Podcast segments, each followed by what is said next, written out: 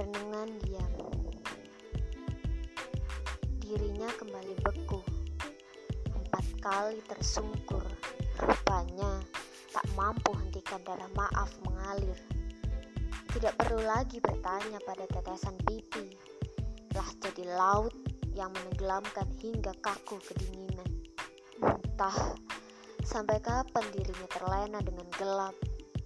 Hingga kini, cerah tak mampu mengikatnya. Buayan semu lebih kuat buatnya tunduk merangkul. Si tanpa tanda jasa murka, sungguh berdebah dirinya itu. Lagi-lagi, seruan simpul manis dapat meluluhkannya. Juga, lagi-lagi, ia biarkan pemberontak mengurainya.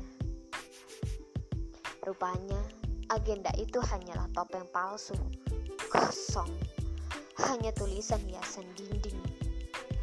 Ia tahu malaikat tak bersayapnya pasti akan bertanya. Sungguh licik, kata-katanya mampu membungkam bisu. Apakah harus tersepak jurang dahulu? Baru ia akan menoleh dan menyentuh terang. Tak pernahkah ia tahu keringat-keringat itu, luka-luka itu, keriput-keriput pelukan senja, malaikatnya berurayan kristal khawatir sejauh pandang. Namun, ia hanya nanti berselimut pada ini pasti berlalu dan semua akan baik-baik saja. Beruntung, hatinya tak pernah padam.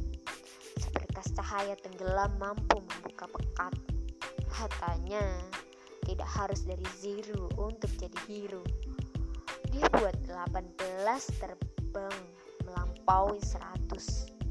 Jejaknya terus melangkah untuk memastikan hangat tak cuma ujung pedang.